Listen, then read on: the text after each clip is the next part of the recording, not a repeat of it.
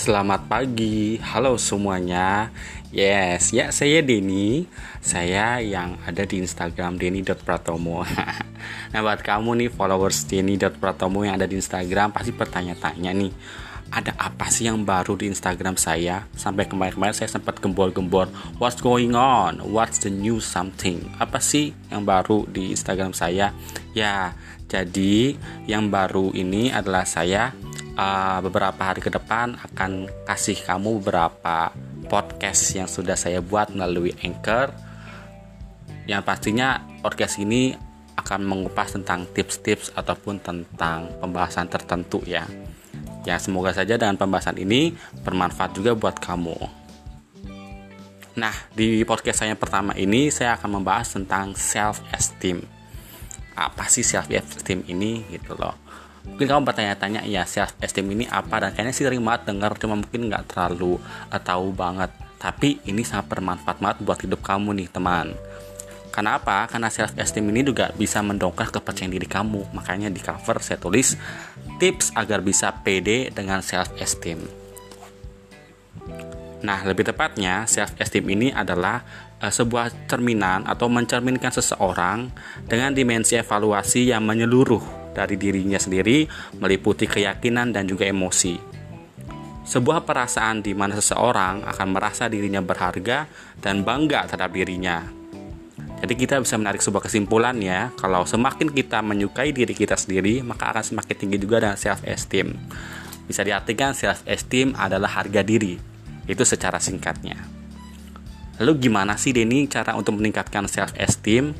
Gampang, kata saya punya ada uh, poin nih tujuh cara yang bisa kita lakukan untuk bisa meningkatkan self esteem di antaranya yang pertama adalah kita harus tampil terbaik setiap hari sebagai bentuk kita menghargai diri kita sendiri. Contohnya dengan dress up atau mungkin dengan tampil menggunakan baju yang kita suka dengan make up yang kita juga suka. Pokoknya harus selalu tampil terbaik deh uh, di setiap saat. Entah itu dari segi uh, tampilan diri kita sendiri ataupun dari segi kinerja performa kita harus lakukan halus selalu melakukan yang terbaik sebagai bentuk kita menghargai diri kita sendiri. Lalu yang kedua jangan pernah membandingkan diri kita sendiri dan orang lain ya tapi bandingkan diri kamu dan pencapaian kamu yang sebelumnya. Kalau sebelumnya kamu gagal di pencapaian tersebut nah hari ini kamu bisa lakukan yang lebih baik lagi agar kamu bisa mencapai hasil yang terbaik pada saat itu juga. Dan yang ketiga, kita harus mengarahkan pikiran kita untuk meningkatkan citra diri. Ya, betul. Segala sesuatu itu adalah berawal dari pemikiran.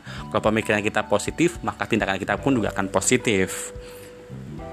Yang keempat, jangan biarkan orang lain menentukan pendapat tentang diri kita.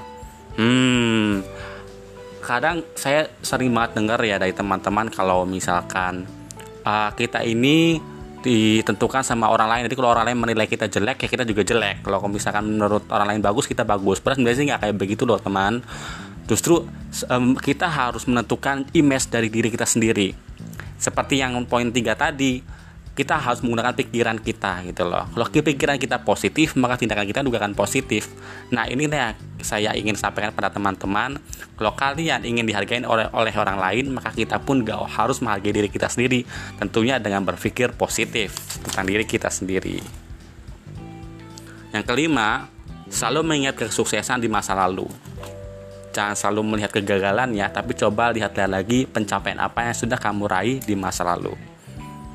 Yang keenam, afirmasi atau berbicara positif sebagai bentuk sugesti. Betul sekali. Menyambung dengan yang di poin ketiga, jadi berawal dari pikiran, lalu kita mengucapkan dalam hati, kita menentukan image diri kita sendiri, sesuatu yang positif dari diri kita, kita juga bisa merencanakan kita akan menjadi apa, menjadi seperti apa, bersikapnya seperti apa, dan hal itulah yang akan mensugesti diri kita untuk melakukan hal tersebut. Seperti itu, teman. Dan yang terakhir nih, kalau untuk bisa meningkatkan self esteem, kita juga harus siap menghadapi realita kehidupan yang mana ada ada yang namanya kegagalan, lalu juga ada kekecewaan dan juga kita harus siap menghadapi sebuah tantangan. Dan hal-hal tersebutlah yang akan menguji kita menguji mental diri kita agar terus meningkatkan self esteem seperti itu. Nah, itu ya tips dari saya tentang self esteem. Semoga bermanfaat bagi kamu teman. Sampai jumpa di podcast selanjutnya.